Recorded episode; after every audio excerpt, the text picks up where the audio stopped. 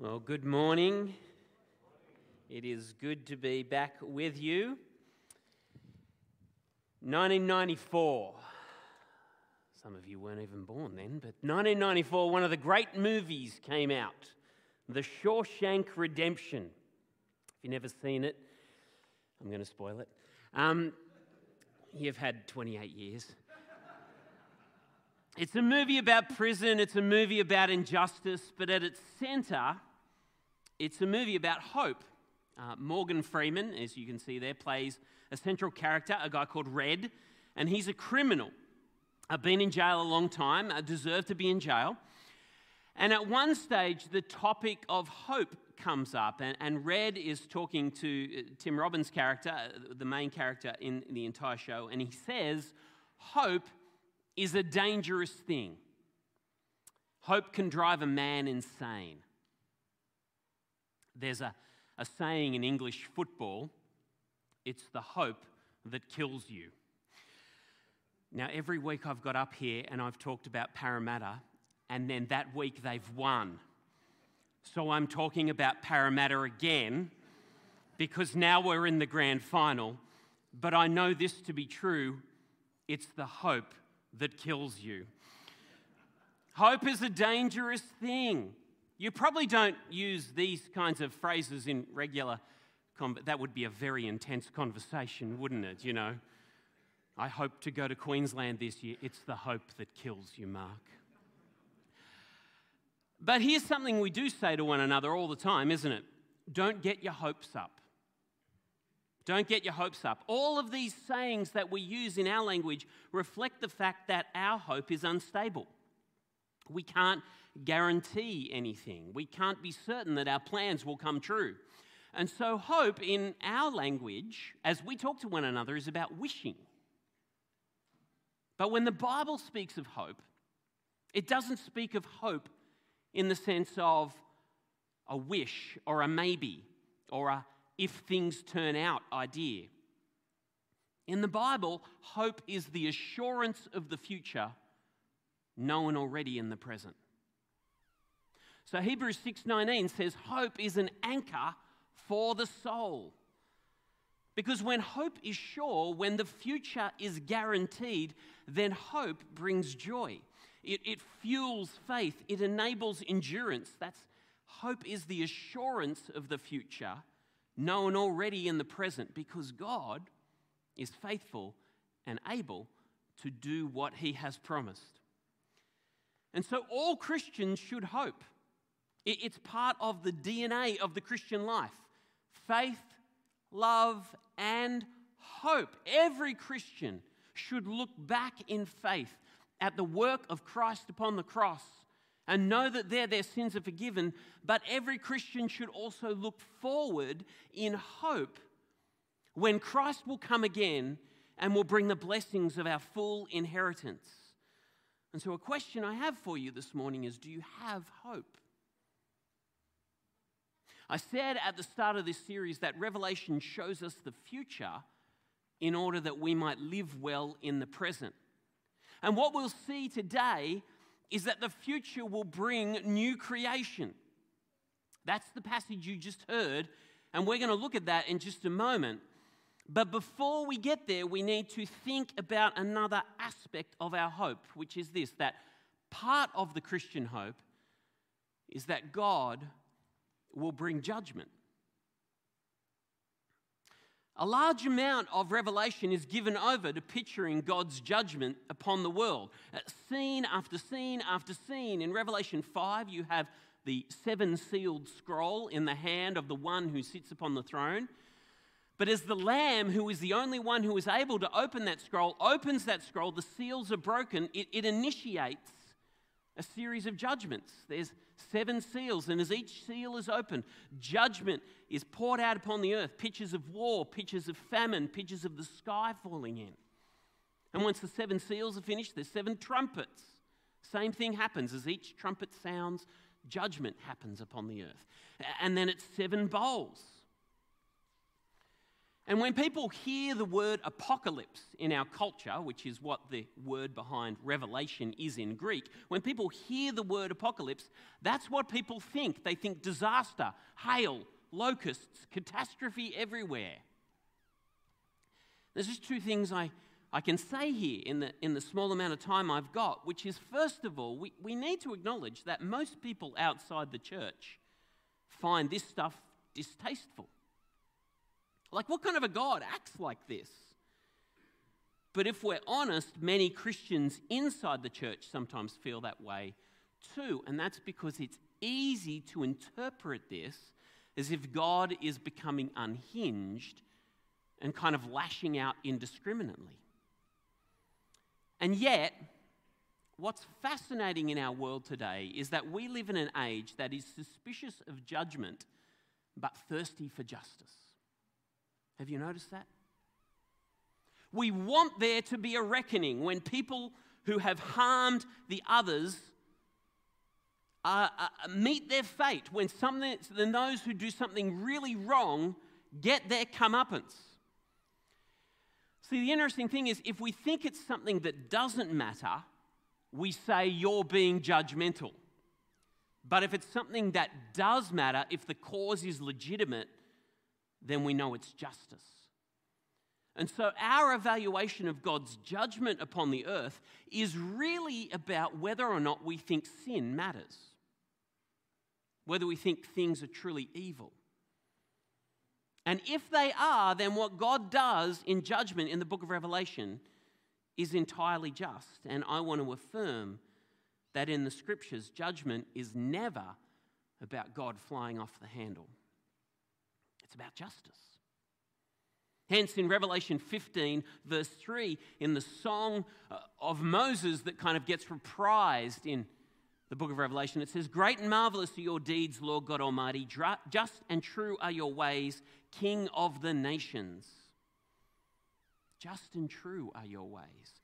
Judgment is what is necessary to remove sin and evil from the world. You can't have a new creation without a just judgment. That's why Christians hope for judgment. We're not judgmental in the sense that we delight in destruction. What we delight in is that sin will end, that evil will be destroyed. We delight that sinful rulers won't rule forever.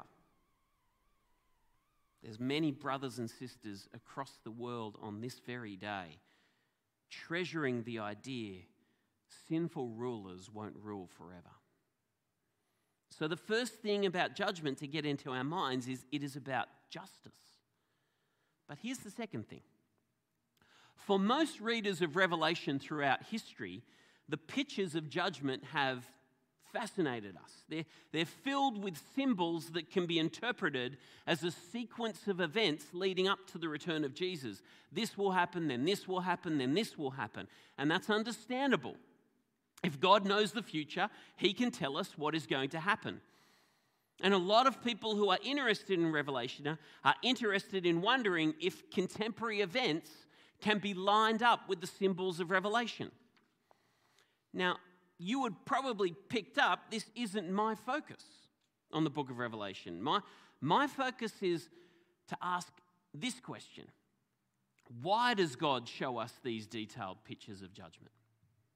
Why does God show us this detailed process? Since this vision was given in the first century, through 2,000 years of Christian history, Christians have thought about how these symbols might be referring to things that might be happening in our day. And so, for the first readers, they applied it to ancient Rome. Uh, in the medieval world, in the Renaissance, in the Reformation era, people applied it to, to, to various events in Europe. And us moderns have applied it to events in the 20th and 21st century. And I get why people do this. That's actually a picture from Albert Dürer, who was a woodcutter, who made a beautiful woodcuts in the context of the Reformation. That's the four horsemen of the apocalypse. But this isn't my focus to draw lines, but to ask the question why does God give us these pictures of judgment? For any and every age of Christian history. Why do we get these pictures of judgment? And I think it's this whatever time you're in, whether you're suffering or whether you're experiencing prosperity, in every age, the people of God are tempted to put their security in something other than God. In every age. We might put our trust in politics, we might put our trust in wealth, but whether it's our suffering or whether we're prosperous, the temptation is to live entirely with our eyes only on this present moment, as if this is all there is and it will never change. But everything changes if you know that justice and judgment will come. If you are suffering, you won't throw in your faith if you know that evil is temporary. And if you're prospering, you won't compromise your faith by making friends with evil. So the details might be different for the people of God in any age, but the challenge is the same. No matter what time or place you are in, including right now, our world will face judgment. And so live your life in light of the future, not in light of this temporary present. Live your life in light of the future, not in light of this temporary present. Because the future is glorious. Which brings us to our Bible reading. In Revelation 21, verses 1 to 8, John gives us a glimpse of the new creation, and that vision ultimately extends all the way into chapter 22. It is no small vision. And this amazing picture, this, this beautiful picture of what is coming, is meant to not only get into your head, it's meant to get you here. It's meant to get into your heart. It's meant to capture your heart because seeing this, feeling this, it's meant to fire you up. It's meant to give you certain hope. It's meant to give you joy at the prospect of what is to come. But if I am brutally honest, heaven doesn't always function like that for us. Now, I'm going to level with you, and maybe you want to criticize me later for this. But I find most people's idea of heaven boring. You'll note that I did not say I find the Bible's idea of heaven boring. I just find that the image that people have in their own minds when they talk to me about it, be they Christian or non Christian, is really, really drab and dull. I mean, the standard stereotype of heaven is that we all float away up into the sky and sit on a white, fluffy cloud playing harps. And heaven in the popular culture always looks so white, so gleaming white. It's like a Domestos ad. Now, I like my bathroom, but I don't want to live there forever. And sometimes you ask Christians, what are we going to do when we're in heaven? And the answer comes back, we're going to sing praises to God. And I'm like, is that it? And they're like, yes. And I'm like, really? All of life reduces to just being a voice box. One Christian once said that heaven is like a church service that never ends. That's my definition of the other place. Now, jokes aside, I need to level with you. The dominant vision in our culture, including even, I think, in some Christians' minds, is that heaven is colourless, disembodied, and boring. And hence this Gary Larson cartoon, who was not a Christian. But this notion of, well, what do you do? What's life like? Which is a tragedy because the Bible never describes our final home like that. Look with me at Revelation 21, verse 1. Then I saw a new heaven and a new earth. Now, this is a new world, but note it isn't just a spiritual heaven, it's a new heaven and a new earth. It's a new creation. In the beginning, God made the heavens and the earth. In the future, God will bring a new creation, or I would even say a renewed creation, because there is a new earth in the future. Now, of course, there are some differences in this world. First, it says there will no longer be any sea. All the surfers and swimmers are at this point saying, Please say it ain't so, Mark. Why? Why? Now, understand why, why is there no sea? There's a river. There's no sea. To understand this, you need to understand something about the worldview of ancient Israel. Now, Israel was not Australia.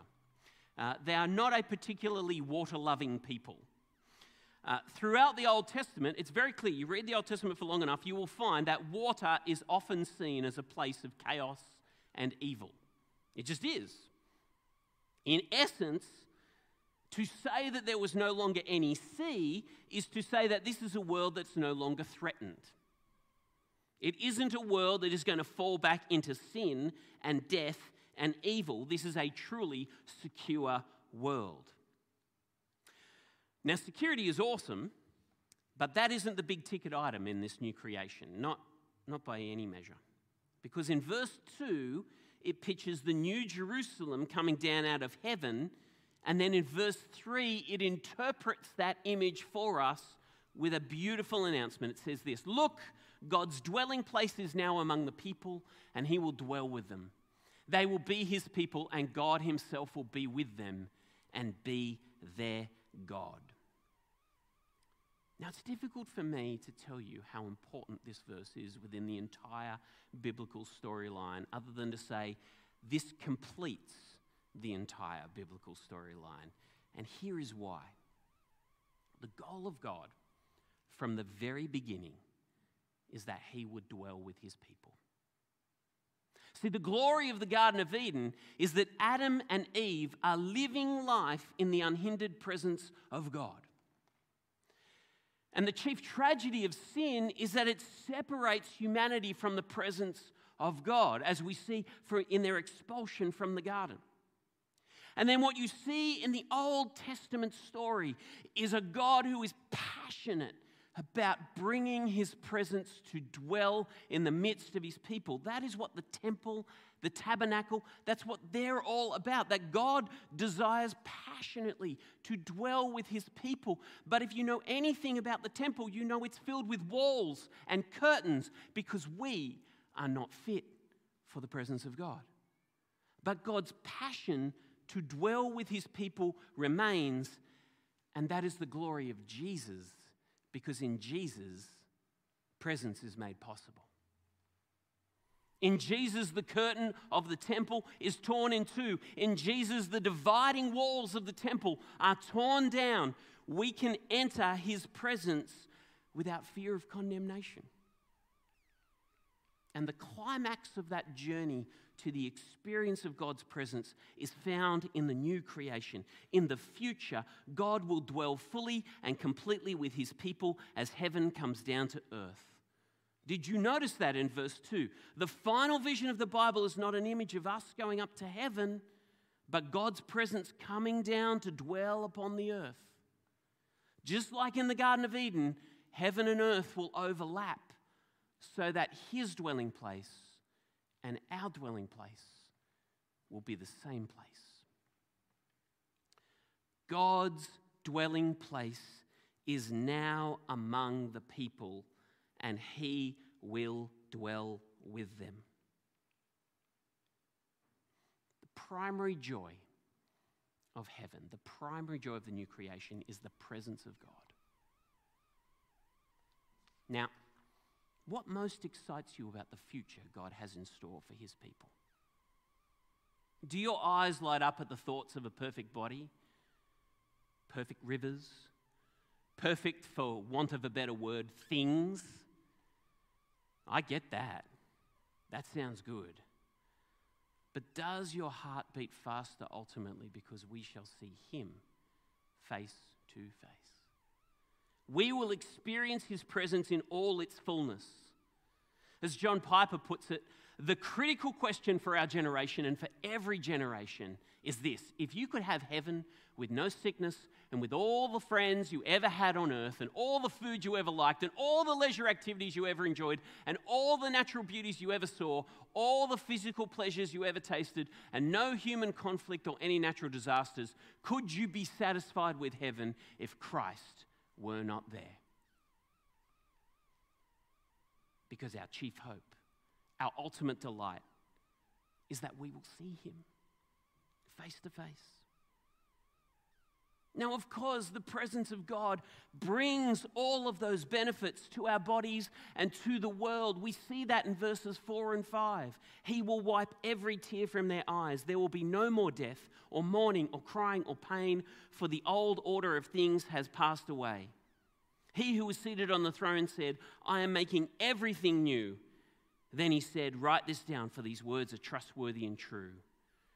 Yes, in the presence of God, life explodes, joy erupts. In the presence of God, there is no death, there is no pain. In His presence, everything is made new, but it's the presence of God that makes all the difference. And it cannot be the new creation unless He is at the center.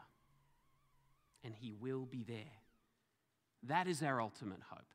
That is where it all ends up. And that future is meant to be the compass point for our lives. It's meant to be the, the way that we are pointing already now. If this is the way it will finish, what difference should that make right now? And did you notice that right at the end of the passage, it starts talking about right now? Take a look, verses 6 and following. He said to me, It is done. I am the Alpha and the Omega, the beginning and the end. To the thirsty, I will give water without cost from the spring of the water of life. Those who are victorious will inherit all this, and I will be their God, and they will be my children. But the cowardly, the unbelieving, the vile, the murderers, the sexually immoral, those who practice magic arts, the idolaters, and all liars, they will be consigned to the fiery lake of burning sulfur. This is the second death. Those who are victorious will inherit all this. We come back to that language of victory that we've been looking at over the last few weeks. The victorious are those whose worship of Jesus means you don't surrender your first love, you don't silence your witness. The victorious are those who remain faithful to King Jesus even though others are telling you to worship something else. That's who the victorious are. And there's a list of sins in verse 8, and hopefully a few of them seem fairly obvious, like no murderers, no sexual immorality. I think we're all hoping for a new creation where there's no murders. That seems uncontroversial. But look at that first one right up front the cowardly. Why would you say cowardly in this passage? I mean, I've got to be honest with you, I am a coward. I'm afraid of heights. I'm hopeless on roller coasters. I am utterly terrified of ice skating. Okay? Anything that involves bodily coordination, no hope for me. I'm a blubbering mess. Call the cops, okay? I'm not proud of it, but it's who I am. That's not what this is talking about. This is not talking, thankfully, there is a place in the new creation for people who are afraid of heights. Cowardly? Why would you say cowardly here? Because here's why it takes courage to worship Jesus. When your culture says you're mad or bad for even doing so. It takes courage to witness to the love and beauty of Jesus when it might cost you your reputation, it might cost you your job. Some places it might cost you your life. It takes courage to sacrifice your present, but you know the future is worth it. And ultimately, that's what Revelation is challenging us about. If our hope is sure, then we can be courageous. The assured hope of a new creation means I can sacrifice my present.